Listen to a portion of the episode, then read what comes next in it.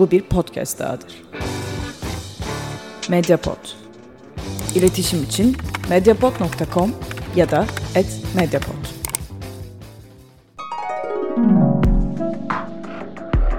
Birinin yanlış anladığını ve bizim doğru anladığımızı hangi yetkiyle söylüyoruz? Felsefe bir tür yaşamın anlamını arayış yolculuğu değildir. Cice'ye Fahri Felsefe doktorası vermemizde büyük ihtimalle sizin için de bir sorun yok. Peki tıp diploması versek ona canınızı emanet eder misiniz? Felsefenin anlamı nedir diye sorduğumuzda neden bence diyemiyoruz. Ben Tansel Erdem Yılmaz. Ben Ömer Faikanlı. Gayri Safi Fikirlerin 94. bölümüne hoş geldiniz.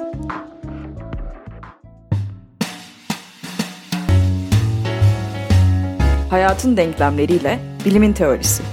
Gayri safi fikirler. Geçen hafta Twitter hesabımızdan bir oylama yaptık. Merakımız şuydu. Bachelor of Philosophy derecesinin karşılığı olarak Türkiye'de felsefe bölümü mezunları için hangisi kullanılmalı dedik. Bu anketin sonuçlarını açıklayacağım birazdan ama sen bu soru hakkında ne düşünüyorsun? Yani bizim kafa karışıklığımız yaklaşık 10-20 bölümdür var ve burada bir noktaya varabileceğiz mi, varamayacağız mı? Bu bölümün başlangıcı için belki söylemek istediklerim vardır. Önce bir topu sana atalım. Aslına bakarsan bir kafa karışıklığımız yok. Yani or- ortada bir problem var. Bir adlandırma problemi ve çok basit görünen bir problem. Yani ne var ki yani buna ne isim vereceğiz üzerine uzlaşacağız veya da uzlaşılmış isimler üzerine şöyle bir beyin fırtınası yapacağız. Çok da bir işe yaramayacak gibi algılanabilir. Oysa e, bu alanda araştırma yapan veya lisans seviyesini e, tamamlamış bir araştırmacı olarak felsefeci, filozof veya felsefe lisans mezunu demek arasında oldukça ciddi farklar var. İşin gerçekliğine müdahale edecek kadar. O yüzden biz de en azından Twitter üzerinden takipçilerimize bu tartışmayı taşıyabilmek, onları buna dahil edebilmek için böyle bir anket uygulaması yaptık. Biraz sonra sonuçları paylaşacaksın. Şimdilik burada parantezi kapatayım veya yeni bir parantez açayım. İki hafta önce hatta üç hafta önce yeni sezonumuza başlarken biz şöyle demiştik.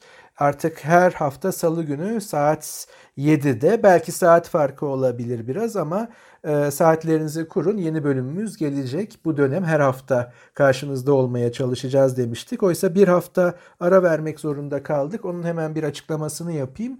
Ailevi bir sağlık sorunundan dolayı ben biraz hastanelerle haşır neşir olduğum için podcast kaydımızı alamadık. O yüzden böyle bir Ara... Şu an her şey yolunda mı değil Şu mi? Şu an her şey yolunda. Umarım daha da iyi olacak. Ee, olağan şüpheli herkesin aklına gelen Covid ile ilgili bir şey değil. Ee, bir ameliyatla ilgili bir şeydi. Ama şu anda her şey yolunda ve iyi. O yüzden bir haftalık bir esten sonra umarım ki bundan sonra periyodumuzu devam ettireceğiz. Her hafta sizlerle olacağız. Geçmiş olsun diyorum. Dinleyenlerimiz için de tabii bunu iletiyorum. Muhtemelen onlar dinlerken söyledi. Ben onlara kulak vermiş olayım. Twitter hesabımızdaki oylamaya geri dönelim istiyorum. Çünkü sonuçları benim için hayli beklenmedikti ve o beklenmediklik üzerine bir bölüm olmasını kararlaştırdık bugün zaten. Bachelor of Philosophy derecesinin karşılığını tartışmaya başladık ve ekledik sonrasına. Kolaylaştırmak için bir tanım verelim dedik. Bachelor of Philosophy derecesini almak için hakemli araştırma, bir akademik tez yahut danışman gözetiminde yazılmış araştırma projesi gerekir. İsmi lisans derecesi olarak görülse de çoğu üniversitede bu derece lisansüstü derecesidir. Sanırım yaşanan en büyük kafa karışıklığı buradan geliyor. Yani Türkiye'de felsefe bölümü mezunlarının lisans mezunu olması ancak yurt dışında genel eğilimin yüksek lisans ve doktora özelinde olması daha çok yüksek lisanstan başlayıp doktoraya gitmesi olarak görülüyor. Bu açıklamayı yaptıktan sonra tamamen gizli oy açık sayım usulüyle 150 oy kullanıldı. Ve bu 150 oyun dağılımını anlamadan önce seçenekleri bir hatırlatalım. Belki de bizi dinleyenler bizi Twitter'dan takip etmiyordur. Şayet ederlerse bundan sonra bu tip kamuoyu yoklamalarını sık sık yapacağız. Çünkü yayın yaptığımız kitleye, sizlere, e, neredeyse yıllardır bizi takip eden kişilere, neredeyse 850 takipçiye e, artık fikirlerini sormak zamanının geldiğini hissediyoruz. Çünkü bizim burada ikimiz anlatıyoruz bir şeyler ama bunların ne kadarı karşılık buluyor ya da ne kadarını e, ortak bir paydada buluşturabiliyoruz. Seçenekler şunlardı. İlki filozof, ikincisi felsefeci, üçüncüsü felsefe lisans mezunu ve diğer vardı. Diğer de e, vurgumuz bir yorumunuz varsa buyurun yorumlara. Yorumlarda sizi dinleyelim dedik. Filozof seçeneğini işaretleyen %10 vardı. %10'luk bir kitle vardı. Yaklaşık 15 buçuk kişi. Buçuk kişiler ilginçtir ama bizim takipçilerimiz arasında var. Felsefeciyi seçen 23,3, %23,3 vardı. O da yaklaşık 23-24 gibi. En yüksek oyu alan felsefe lisans mezunuydu. %64'tü. Yani yarısından fazla neredeyse 80 kişi, 82 kişilik bir durum vardı. Diğer diyen de bir kişi vardı. E, altına gelen yorumlar biraz daha burayı açıklayıcı kıldı. Yani felsefe lisans mezunu kavramının neden bu kadar yüksek e, oylama aldığı ya da bu kadar tercih edildiğini ben anlayamamıştım. Çünkü genel eğilimin felsefeci olmasını bekliyordum. Çünkü Bachelor of Philosophy dendiğinde filozof olmuyor. Onun neden olmadığını da birazdan tartışacağız. Ancak felsefeci biraz daha o tanıma uyuyor gibiydi sanki. Çünkü yurt dışındakinde de, yurt dışındaki örneklerde de biraz felsefeci ile filozof ayrımı vardı. Ki bu ayrımı da nasıl koyduğumuz her zaman tartışmalıdır. Biraz dil oyunlarıyla ortaya çıkıyor. Bir dinleyenimiz hatta bize bol bol mail yollayan Özerk Sarıoğlu şöyle dedi alıntılıyorum. Ben filozofu biraz neyzen gibi görüyorum. Nasıl ney çalan kimse kendisine neyzen demiyor ve bu yakıştırma ona kolay kolay yapılamıyorsa filozof da sanki yalnızca etkinleşmiş, ehlileşmiş felsefe yolcusuna söylenebilir geliyor. Mezuna da felsefeci kalıyor diyor. Bence bu ufuk açıcı bir yorum. Neyzen üzerinden gitmesi, bir zanaat ya da sanat üzerinden gitmesi bizim için çok iyi. Ancak burada benim aklıma şu geliyor. Bir neyzen, daha doğrusu ney çalan kişi kendine neyzen demiyor mu? Yani kendini dillendirmiyor olabilir ancak kendine büyük ihtimalle neyzen diyor. Ve bunu bize paylaşmamış olması da sanıyorum ki kültürel kodlarla ilgili. Çünkü kendini tanımlamak, kendini kendi ifadelerinizle anlatmak Türkiye'de çok yaygın bir şey değil. Yani sürekli e, alttan alan, sürekli tevazu gösteren, artık tevazu göstermekten e, neredeyse virgül kadar kıvrılmış bir e, kültürden bahsediyoruz. O yüzden felsefe yapan kişinin kendini filozof dememesiyle Neyzen biraz farklı gibi görünüyor. Çünkü ehlileşmiş felsefe yolcusu diyor Özerk. Ehlileşmiş felsefe yolcusu hiçbir zaman net bir kavram değil. O yüzden kim ehlileşmiş, ne zaman ehlileşmiş, mesela Zizek ehlileşmiş mi? Belki de onun iş arkadaşları, onunla beraber akademiye giren kişiler diyor ki ya Zizek de yani felsefecilik yapıyor, felsefeyle ilgileniyor. Yani bize göre Zizek bir filozof olabilir. Çok çok satmış olabilir, çok ünlü olabilir. Çünkü kıstaslar, ehlilik kıstasları biraz eğilip bükülmüş gibi geliyor bana. Yani ünlü olması, çok fazla kitap yazması, bir yere farklı açıdan farklı bir pencereyi aralayıp hatta pencere için duvarda yarıklar açıp oradan bakıyor olması onu filozof mu yapıyor yoksa provokatör mü yapıyor? Fikir açısından provokasyon mu bu yaptı? Ki ikincisi olursa benim ilgimi daha çok çekebilir. O yüzden mezununa felsefeci demekle e, bölüm mezununa felsefeci demekle daha doğrusu ehlileşmiş olduğu iddia edilen felsefe yolcusuna filozof demek e, iki kantarı kantarın iki ayrı ucunda birbirini çok da tartmıyorlar.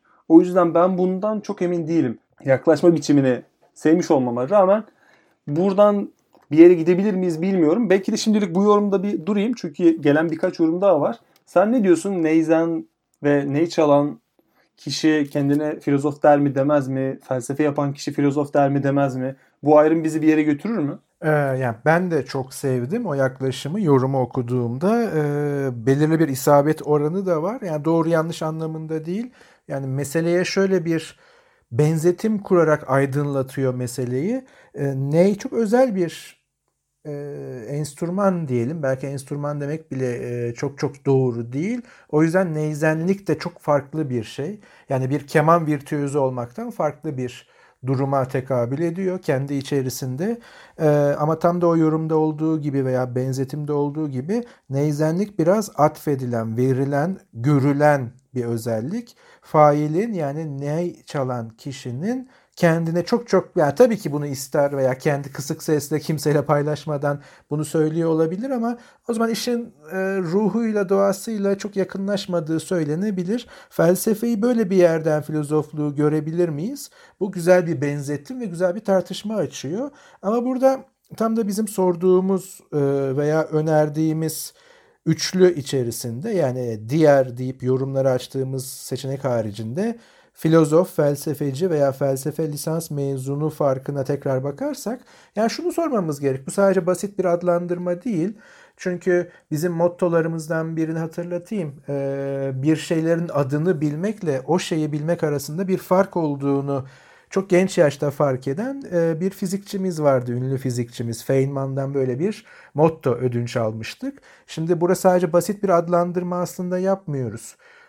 Bu mesleğin yani sadece profesyonellik anlamında söylemiyorum veya bu araştırmayla iştigal etmenin gerek yeter koşullarına bakıyoruz. Yani hangi gerekli koşullar kümesi oluştuğunda felsefeci, filozof veya felsefe lisans mezunu alma yeterliliğine kavuşuyoruz.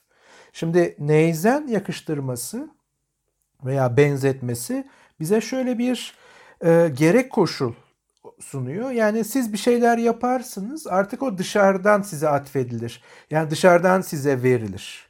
İnsanlar sizi yapıp ettiklerinizle işte onların ne olduğu hala bizim için yani şu anki tartışma bağlamında bir soru işareti. Sizin yapıp ettiklerinizle değerlendirip size filozof derler. Yani sizin diplomanız, 4 yıllık lisans diplomanız ya da bunun üzerine yapacağınız yüksek lisansınız veya PhD, doktora dereceniz sizi filozof kılmaz. Filozof başka bir yerdedir ve o başka bir yerdeliğin, o başka bir tanımlamanın gerek koşullarından biri de işi bilenlerin size filozof demeye başlamasıdır gibi bir gerek yeter koşul önümüze koyuyor. Gerek yeter koşul kümesi önümüze koyuyor.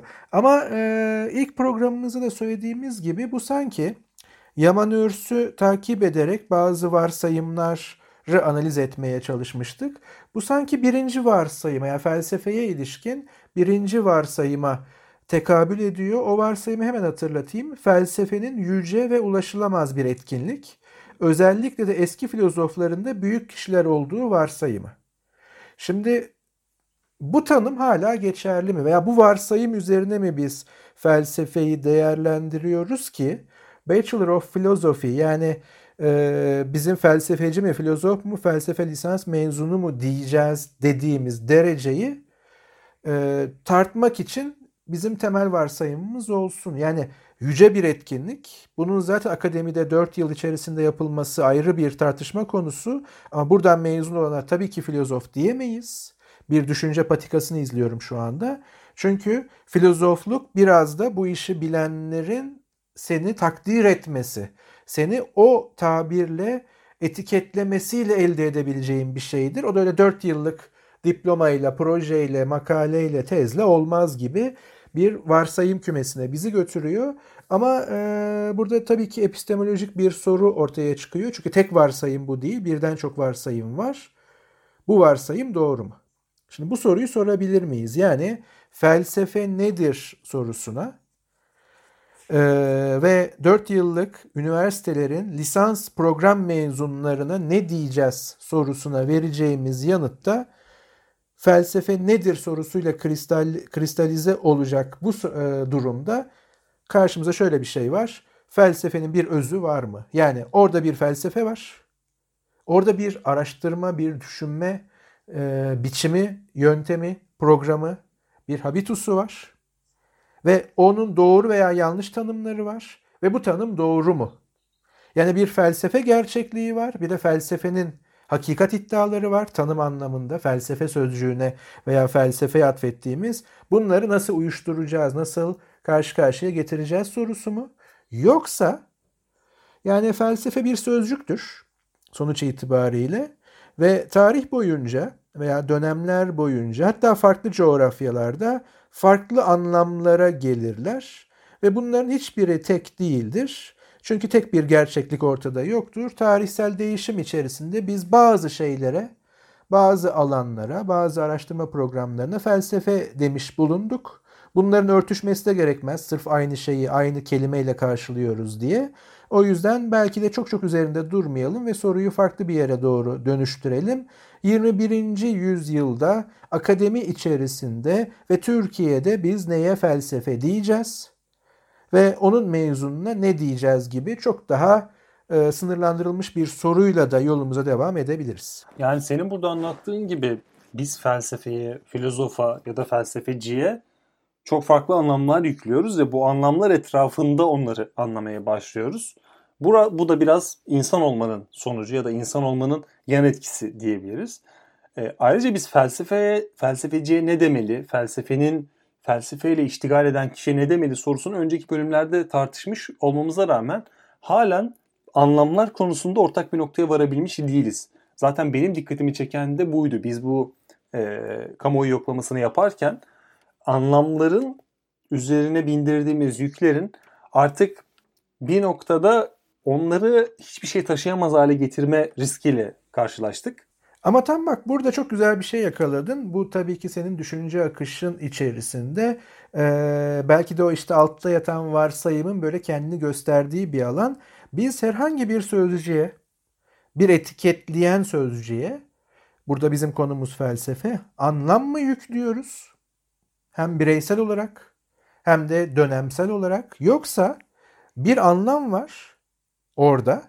Biz onu yakalamaya mı çalışıyoruz? Şimdi anlam yüklüyorsak aktif olan biziz. Yani biz onu her nasıl tanımlarsak gerek birey gerek toplum topluluk bazında o odur. Yoksa oradaki bir anlam var. Yani doğru bir anlam var bir anlamda.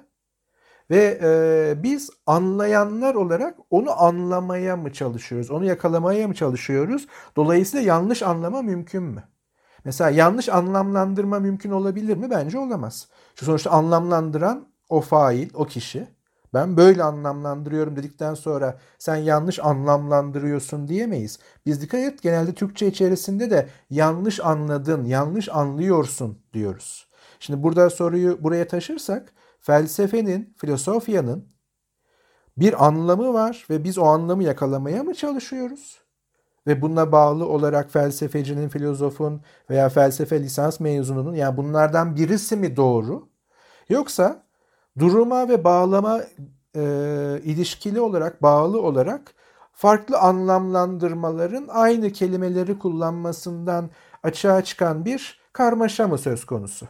Yani sen de filozof diyorsun, ben de filozof diyorum ama sen felsefeyi yüce ve ulaşılmaz bir etkinlik ve eski filozofları da Eski derken de bizden önce filozof adını almış ve filozof olarak adlandırılan kişilerin büyük kişiler yani büyük derken kendilerine has bir dehaları var, kendilerine has bir yetenekleri var. Bizde olmayan biz ancak onları takip edebilir, onları anlamaya çalışabiliriz gibi bir yerden bakıyor olabilirsin. Oysa ben filozof derken çok basit bir şekilde yani 4 yıllık bir programdan diplomasını alarak mezun olmuş kişi diyebilirim.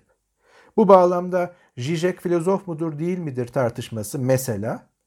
Ee, geçtiğimiz programlarda biz başka bir tartışmayı buraya taşımıştık. Yani Derrida'ya fahri doktora verilmesi, filozofluk puanı payesi verilmesi e, fırtınalar yarattığı bir yer var, bir dönem var. Bu gibi tartışmalarda aslında fuzuli bir iş mi yapıyoruz? Yani ya biz bir topluluğuz. Yani biz gayri safi fikirler olarak hadi biraz işin karikatürünü çizelim. Zizek'e fahri doktora veriyoruz. Ya kime ne?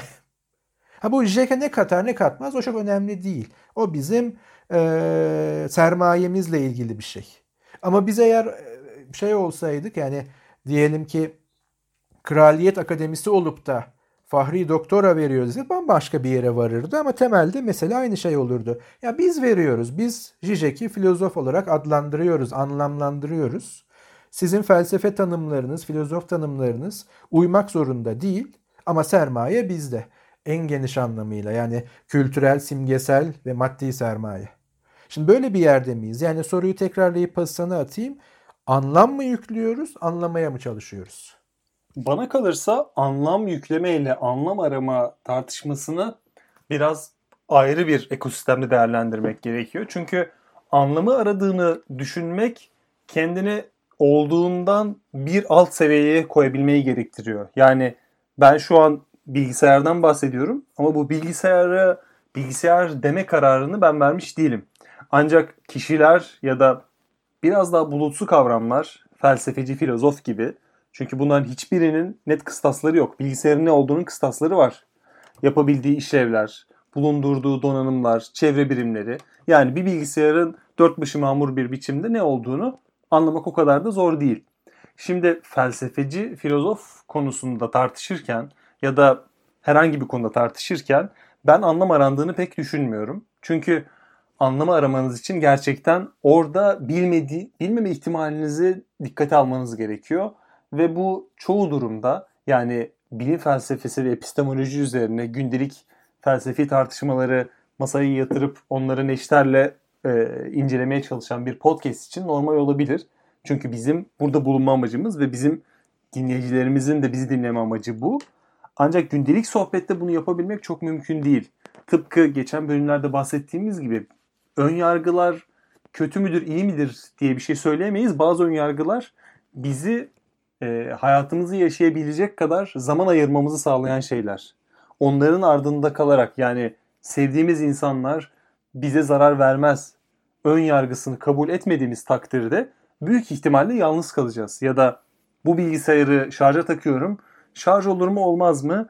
Olmaz dediğim takdirde sürekli çözüm arayacağım ve tüm günüm zaten e, taşımam gereken ön yargıları taşımadığım için zorlaşacak. Bu durumda da anlam aramak çok da kolaymış gibi gelmiyor bana. Evet ama bak yine çok güzel bir yerden bir böyle çengel attın. Sen dedi ya bilgisayar yani çok tartışmayan bilgisayar nedir diye yani şu an herhalde kimse tartışmaz. Tabii ki devrimsel bir e, sıçrayış olur teknolojide. Yani bizim alışıla geldiğimiz bilgisayar formatı bambaşka bir yere gider ve biz şunu sorarız artık buna bilgisayar diyeceksek bunun atalarına ne diyeceğiz gibi. Ancak öyle bir kırılma olabilir ama orada da tarihsel bir işte atası şu anki gibi bir ayrım yapabiliriz. Ama şu içinde bulunduğumuz durumda yani şimdi şu anda ve burada bilgisayar nedir hadi bir tartışalım desek herhalde en kısa podcast'imizi yaparız. Çünkü senin tabirle kıstasları bellidir. Ama biraz önce söylediğim şeyle kıstasları örtüştürebilirsin. Gerek yeter koşullar. Yani bir, bir, bir makinenin veya bir şeyin, bir nesnenin bilgisayar olabilmesi için karşılaması gereken gerekli koşullar ne? Ve bunların ne kadarı bir araya geldiğinde artık ona bilgisayar dediğimiz için yeterli koşullar, yeterli kıstaslar oluşmuş oluyor. Şimdi bunun üzerine mesela şeyler de olabilir. Diyelim ki bilgisayarın şu anki bilgisayar kıstaslarının gerekli koşulların tümünü yerine getiriyor. Artı bir de ütü yapabiliyor. Hani uç ve yine karikatür vari bir örnek vereyim. Şimdi o hala bilgisayardır ama ütü yapamayanlar bilgisayar değildir demeyiz. Bu artı ütü de yapabiliyor deriz. Şimdi o yeter koşulun artı bir koşulu. Yani yeter koşullar sağlanmıştır. Bu nesne artık bilgisayardır. Artı bir şey daha yapabiliyordur. Şimdi e, sen bunu söylerken şöyle hemen tabii önümde ekran açık olduğu için yani bir bilgisayar olduğu için öyle ekşi sözlükten böyle daha güzel, daha e, kısa devre bir tanım nasıl verebilirim derken şuna rastladım. Bu gerek yeter koşulları açıklayabilmek için. Örneğin X'e abi denmesi için büyük kardeş olması gerek koşuldur. Lakin yeter koşul değildir çünkü X kadın da olabilir. Yani sizden büyüktür ve kadındır, abiniz değildir. Yani X'e abi denmesinin yeter koşulu X'in hem büyük kardeş hem de erkek olmasıdır. Yani X'in senin herhangi birinin abisi olabilmesi için iki tane gerek koşulun yeter koşul kümesini oluşturması gerekiyor. Hem senden büyük olacak, büyük kardeşin olacak hem de erkek olacak. Şimdi bunu filozofa veya felsefeye uyarlayalım. Felsefe yani herhangi bir etkinliğin, herhangi bir düşünme biçimini, daha şu o tanımı da bu gerek koşullara içkin olduğu için tam olarak oturtamıyorum şu anda. Ama işte o şeyin felsefe olabilmesi için hangi gerek koşullara ve hangi gerek koşul kümesine yeter koşul olarak sahip olması gerekir? Bir adım ötesinde birine, bir araştırmacıya veya bir düşünüre, onu nasıl tanımlayacağım? Bir insana en genel anlamıyla filozof diyebilmemiz için hangi gerek koşullara gerek yeter koşullara ihtiyaç vardır. Ama çok güzel bir yere parmak basmış oldun. Neden biz bunu sıklıkla revize edemiyoruz veya en basit şekliyle bence deyip işin içinden çıkamıyoruz? Deminki anlamlandırma ve anlam arama arasındaki farka da gönderme yapacak olursam, yani şunu yapmak bizi bir yere taşımıyor. Bence felsefe budur, bence filozof budur. Sen bana katılmıyor musun? E tamam o da senin fikrin. Yani zevkler, renkler ve filozof tanımları tartışılmaza gideriz. Veya felsefe tanımları. Oysa bu gibi kavramların tanımlanmasında her ne kadar günlük tartışmalarda veya günlük dil içerisinde biz sıklıkla bence bence bence diyor olsak da aslında o etkisiz elemandır. Yani bir şeyi birle çarpmakla aynı şeydir. Çünkü bu kavramların tarihsel bir anlam yükü vardır. Yani bu aynı şey sosyoloji için de geçerli. Yani e, felsefe ile muadil yanına ne koyabilirseniz hepsiyle geçerli ve bizim kadim konumuz olan bilim için de geçerli. Bence bilim budur. Bence bilim insanın kendine yakışanı giymesidir diyemezsin. Çünkü bilim kavramının veya bilim teriminin 1830'lardan bu yana gelen yani modern kullanımından bahsediyorum. Science teriminin karşılığı olarak bir anlam yükü var. Bu yokmuş gibi davranıp her birey sıfırdan bir şeyi tanımlayamıyor. Bu da bizi anlamlandırma ile anlamı arasında bir gerilime hapsediyor. Yani ben buna bir anlam vermeye çalışıyorum ama karşımda bir boşluk yok. Doldurabileceğim bir bardak değil. Onda bir şeyler var. Şimdi onu boşaltabilecek gücüm yoksa evet silin bütün sözlükleri en geniş anlamıyla sözlükten bahsediyorum. Baştan başlıyoruz diyemiyorum. Çünkü tanımlarken ve gerek koşulları ortaya koyarken kullandığım diğer sözcükler de bana tanımlı veriliyor. Ben felsefenin anlamı üzerine tartışmaya çalışırken kullandığım diğer bütün sözcükler, sabitmiş gibi kullandığım bütün sözcükler aynı felsefe gibi aslında anlamlandırmaya ve anlamaya açık o gerilim içindeki sözcükler.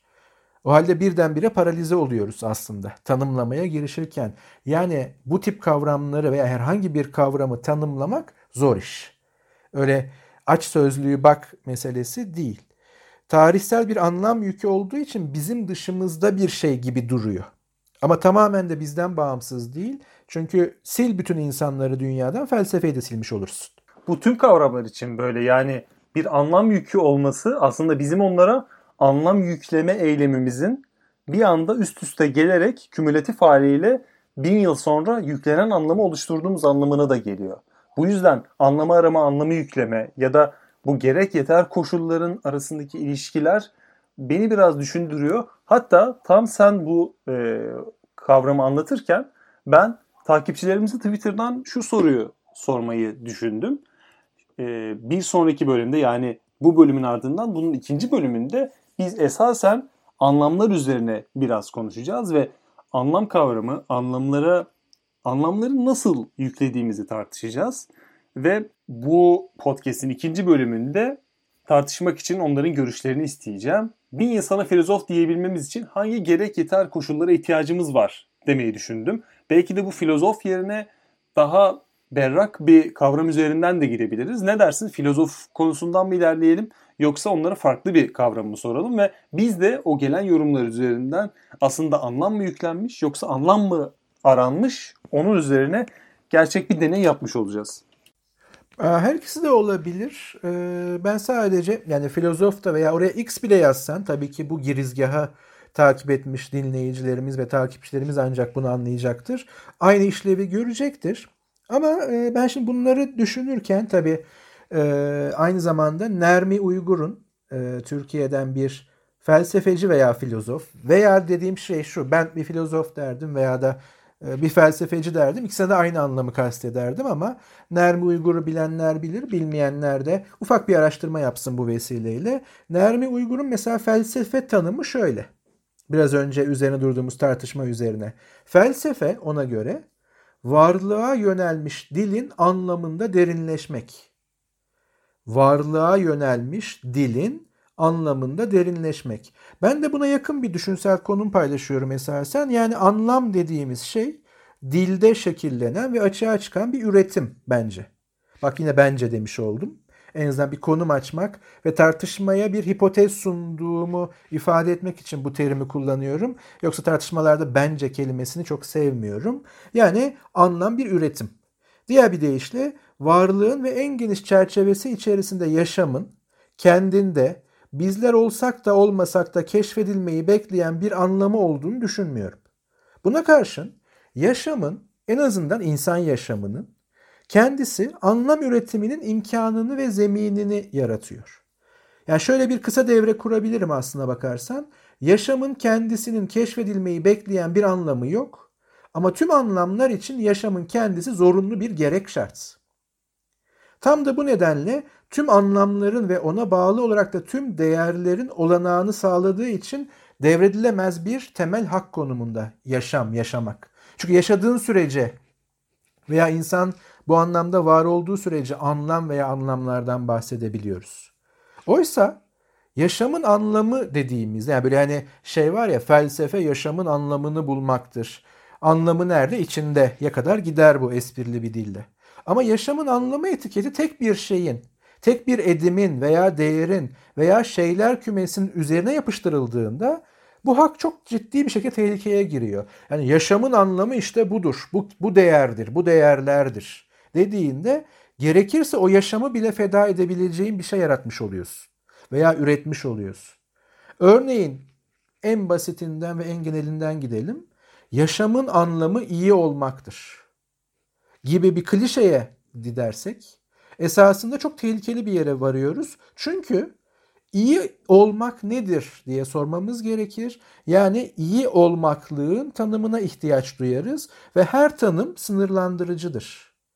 Buna bağlı olarak her anlam belirlenimi bir tanımlama içerir. Ki Nermi Uygur'un yaklaşımındaki dil vurgusu da buna ilişkindir ve her tanımlama bir sınır içi ve sınır dışı belirlenimi getirir. Hemen örnekleyeyim. Mesela iyi olmak her nasıl tanımlanırsa bu tanıma uymayan veya tanımın belirlediği sınırın dışında kalan kendiliğinden tanım gereği kötü olacaktır. Şimdi o zaman da kötülere biz ne yapacağız?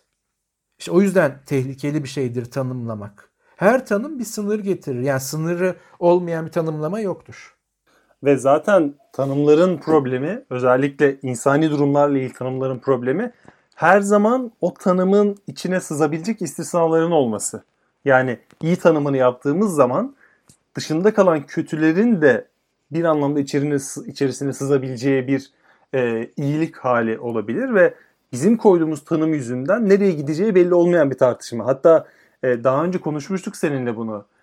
Örneğin ben sana liberal diyorum e, ancak sen bana liberalden ne anladığımı soruyorsun ve ben sana ne söylediğimi anlatıyorum. Sen bana diyorsun ki o halde senin anladığın haliyle ben liberalim. Yani aynı kavramlar üzerinde konuşmadığımız sürece ya da aynı iyilik kötülük kavramları üzerine konuşmadığımız sürece onları yüklediğimiz anlamların da çok ulaşabileceği bir nokta kalmayabilir gibi görünüyor. O yüzden kavramları daraltmak konuşmayı kolaylaştırabilir. Hatta kişilerin kendini ifadesini kolaylaştırabilir ve bir argüman ortaya atmasını da rahatlatabilir. Ancak o kavram daraldıkça ya da kavram ortaya atıldıkça bir anlamda kapsayıcılığı da azalıyor ve hiçbir şeyi sağlamıyor. Bizim iyi dediğimiz belli bir kitle var. Ancak dışarıda iyi gibi görünen ama bizim onlara iyi diyemediğimiz de ufak ufak azınlıklar görüyoruz. O halde hangisini güncelleyeceğiz? O insanlara kötü deyip onların iyi olabileceklerine içten içe inanacağız ve susacağız mı yoksa iyiyi mi güncelleyeceğiz? Bu durumda bu iyiye inananlar ve bu iyiye gönül verenler için yeni iyiler ne olacak? Gördüğün gibi sadece basit bir kavram üzerinden bile çok büyük bir e, ağda problemler ortaya çıkabiliyor. Hatta çok tehlikeli yani tehlikeli derken bu kaçınamayacağımız bir tehlike. Çünkü senin ifadenle bir kavramı daraltmak iyi ve yani daraltmak işlevsel veya değil dememiz gerek yok. Çünkü herhangi bir kavram tanımlanabilirse dar veya geniş mutlaka sınırlara sahiptir. Bir şey her şey ise hiçbir şeydir. Mutlaka sınırlanması gerekir tanımlanabilir olması için. Mesela diyelim ki yaşamı yani çok bir klişe, çok basit. Hepimiz bunun altına imza atarız. Yaşamın anlamı iyi olmaktır. Bu dünya iyi insanların yüzü suyu hürmetine dönüyor. Tamam da iyi olmak ne? Yaşamın anlamı iyi olmaksa kötü olanlara, hele ki bile bile kötü olanlara ne yapacağız? İşte o zaman yaşam hakkı kötüler içinde bir hak mıdır gibi tehlikeli bir soru gündeme gelir kendiliğinden. Yani bu sadece masa başı sözlükte böyle nasıl yazacağını tanımlayacağız sorusu değil. Bakın çok genel bir klişeden yola çıktığımızda bile ki ben sadece bir şeye değineyim oradan da böyle bir hemen sekelim. Mesela kimi düşman olarak tanımlayacağız? İster düşmanını tanımla, düşman olmayanlar dostun olur. İster dostunu tanımla, dostun olmayan, dost sınırına girmeyen, bu kriterleri sağlamayan düşmanın olur. Hatırlayalım, e, Amerika Birleşik Devletleri 11 Eylül sonrasında şöyle bir deklarasyon yayınladı. Ya benden tarafsın ya teröristsin. Şimdi tanımlamak, biraz önce söylediğim şeye bir ek getireyim. Tanımlamak zor iştir dedim kavramları ve terimleri. Sadece zor değil, tehlikeli bir iştir. Çünkü bunun edimsel karşılığı vardır dünyada. Sadece tanımlarımız zihinlerimizin içinde değil. O zihinlerin içindeki söylem dünyasında biz gerçekliğe müdahale ediyoruz. Bunu sadece iyi kötü kavram çifti için, düşün, için düşünmeyelim. Diğer örnekler için de bu şekilde ele alabiliriz. Mesela daha çok öğrenmek yaşamın temel ve verili anlamı ise mesela. Yani biz bu dünyayı öğrenmeye geldik. Daha çok öğrenmeliyiz. Daha çok yaşam boyu öğrenme diyoruz ya bir anlamda. Peki daha çok öğrenmek verili bir anlamsa öğrenmeye değer bilgi nedir diye sorarız. Ve tabii ki hemen bilgi nedir diye hemen tekrar sormamız gerekir ki bu da bizim kadim sorularımızdan biri gayri safi fikirlerin. Peki dikkat edelim o zaman bir şeyler öğrenmeye değer olmayacaktır ve bir şeylerle bilgi olmayacaktır. Çünkü bunların tanımları vardır. Bu sorular ve buna benzer tüm soruların yanıtları aslında özsel bir takım tanımlamalar gerektiriyor ve bu tanımların dışarıda bıraktığı şeyler onları öğrenmeye çalışılan, çalışanlar ne olacak? Yani yaşam öğrenmektir, sürekli öğrenmek. Peki neyi? Öğrenmeye değer olan şeyleri. Peki öğrenmeye değer olmayan şeylerle uğraşanlara biz ne yapacağız? Tırnak içinde onları nasıl yola getireceğiz? Yine tehlikeli bir yere gideriz. Şimdi son bir ek yapabilirim bunlara, tüm bu söylediklerimi. Felsefe bir tür yaşamın anlamını arayış yolculuğu değildir. Bu şekilde koyduğumuzda. Felsefe bu bağlamda anlamın ve anlam belirlenimlerinin temel varsayımlarını açığa çıkaran ve kritik eden ve bunları gerçek problemlerle ilişkilendiren bir meta teoridir. Son bir ek de yapabilirim. Yani eke ek yapabilirim. O da şu olur. Tüm bu söylediklerim bir tür anlamsızlık ilanı da değildir. Anlam çoğulluğunun nedenlerini ve nasıl açığa çıktığını ve böylesi bir çoğullukta ne yapabileceğimize ilişkin bir kritiğin ifadeleridir. Yani felsefe tanımlanamaz, felsefe yapılır deriz belki de. İşte tüm bunlarla benimle beraber yol alabildiyseniz şu anda biz biraz felsefenin içine girip çıktık belki de. Şimdi o zaman tekrar sorabiliriz. Kime filozof diyeceğiz? Ve gayri safi fikirler olarak Zizek'e Fahri Doktor'a verelim mi? Ve Zizek bunu kabul eder mi? Yani biz şimdi bunları tartıştık. Felsefenin derinliklerine girdik. Birazcık yeni bir şeyler söylemeye başladık ve bizi şu an dinleyen kişiler, dinleyenlerimiz e, herhangi bir yorum yaptıklarında ve özgün bir yorum yaptıklarında onlar da şey gibi oldu. E, filozoflar kamerasında bir yer boşaldığında geçici filozoflar yani vali gittiği zaman yerine bakan vali gibi biz de şu an dinleyenler ve biz olarak bir geçici filozofluk gibi geçici olarak o koltuğa oturduk kalktık gibi oldu. Ancak ben J.J. Fahri Doktor'a vermenin tam olarak e, nasıl bir etki yaratacağını düşünürken aklıma şu geldi. Bir kişiye özellikle de tartışmalı konumu olan bir kişiye Fahri Doktor'a vermek yani tamamen bu konudan bahsediyorum. Felsefe üzerine Fahri Doktor'a vermek. Bu arada J'in felsefe doktorası var mı yok mu tam bilmiyorum akademisyen ama var. Var, var değil mi? Bildiğim kadarıyla var. Acaba sosyoloji mi diye düşündüm. Biz ona felsefe konusunda doktora vereceğiz. Ee, bu bizim yüklediğimiz filozof anlamının teyidi gibi. Yani hatta onun tabelalaştırıyoruz. Yani diyoruz ki bizim filozof dediğimiz kişi budur. Filozofun tanımı da bu kişinin e, vücut bulmuş haliyle ortaya çıkmıştır ki biz bu Fahri Doktora'yı ona vererek buyurun biz bunu destekliyoruz. Bizim tabelamız buradadır demişiz gibi oluyor. Yani bu kadar belki provokatif bir yerden değil ama sanıyorum ki konum anlatma gibi. Çoğunlukla e, konumumuzun nasıl olduğunu anlatma gibi de görülüyor olabilir. Ama dinleyiciler hemen zihinlerinde bunu canlandırabilsin veya da en azından kendilerine bir taraf oluşturabilsin diye şöyle bir benzetim kurayım. Aynı koşullar altında çünkü yaptığımız şey aslında aynı. Gayri safi fikirler olarak herhangi birine, yani Žiže'ye yine aynı kişi olsun. Slovak Žiže'ye e, Fahri Doktora ve bunun tüm yetkilerini veriyoruz. Yani Fahriye değil hatta bir yeterlilik, bir diploma veriyoruz. O da tıp diploması. Yani gayri safi fikirler olarak verdik. Kime ne? Ya deminki de kime neydi ya hani? Kim sallar demişti. E bunu da kim sallar? Diploma tıp diploması verdik. Şimdi dinleyicilerimize şunu soruyorum. Kaçınız kendi canınızı veya sevdiğiniz birinin canını Jije'ye gayri safi fikirlerden aldığı diploma üzerinden emanet eder? Şimdi hemen beklenen cevabı söyleyeyim. Aa, olur mu öyle şey? Ben kesinlikle hani bunun üzerine gitmem diyorsun. E peki neden gayri safi fikirler felsefe doktorası verdiğinde zararsız kalsın ki? Yani o zaman filozof oluyor veya en azından gayri safi fikirlerden felsefe diploması almış oluyor. Bunda çok büyük bir sıkıntı yok. Ama hekimlik, tıp hekimliği diploması verirsek ve ona canımı emanet etmem. Düşünceleriniz daha mı az değersiz veya da başka neyi emanet ediyorsanız bir filozofa hiçbir şey etmeyin bence. O zaman hangi fark nerede? Gerçek fark nerede? Yani sadece isimler, adlandırmalar değil. Gerçek fark nedir? Çünkü davranışlarımız değişiyor bunun karşısında. Sadece böyle biraz daha somut bir soru sormuş olalım. Ama ister misin e, Jijek'ten bir mail alalım? Çok güzel olur. Beni karıştırmayın diyerek ya da tabii ki seve seve alırım diyerek. Bizi belki bir tartışmaya da davet edebilir. Yani burada biz tartışmada biraz derinleştik. Ben bu bölüme başlarken bu tip saçaklanmalara gideceğimizi tahmin ediyordum. O yüzden bunu iki bölüm olarak yapmayı da konuşmuştuk seninle. Ve burada e, bir yerde bıraktığımızda ve bu arada ben tweette soracağımız soruyu biraz şeye evirdim. Bir insana iyi diyebilmenin sınırlarını çizme üzerine biraz gidelim dedim. Zaten filozof üzerine gitmiştik. Belki iyiyi tanımlamaya çalışırız. Zaten bu bölümü dinleyenleri direkt olarak e, Twitter hesabımıza yönlendiriyor olacağım. Onlar bu bölümü izlerken bu soru yayında olacak ve hemen onların yorumlarını bu sıcağı sıcağına durumda e, istiyor olacağım. Ve bir sonraki bölümde tam olarak bu altıyla üstüyle işaret ettiğiyle etmediğiyle anlamlar üzerine biraz daha e, yaklaşacağız. Çünkü bu konuda gerçekten tartışacak çok fazla şey var ve sadece kime filozof denir, kime felsefeci denirden daha büyük bir tartışmaya taşıdığını düşünüyoruz. O yüzden ilk bölümü burada bırakıyoruz. Bir sonraki bölümde bu konuyu tartışacağız.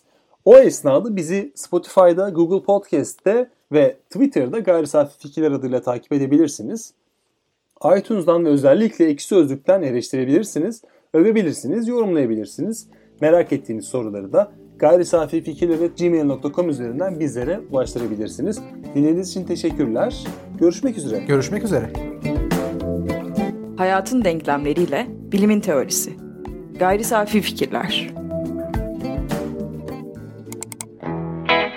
Medyapod'un podcastlerine Spotify, Google Podcast, iTunes ve Spreaker üzerinden ulaşabilirsiniz. Medyapod'u desteklemek için patreon.com slash medyapod.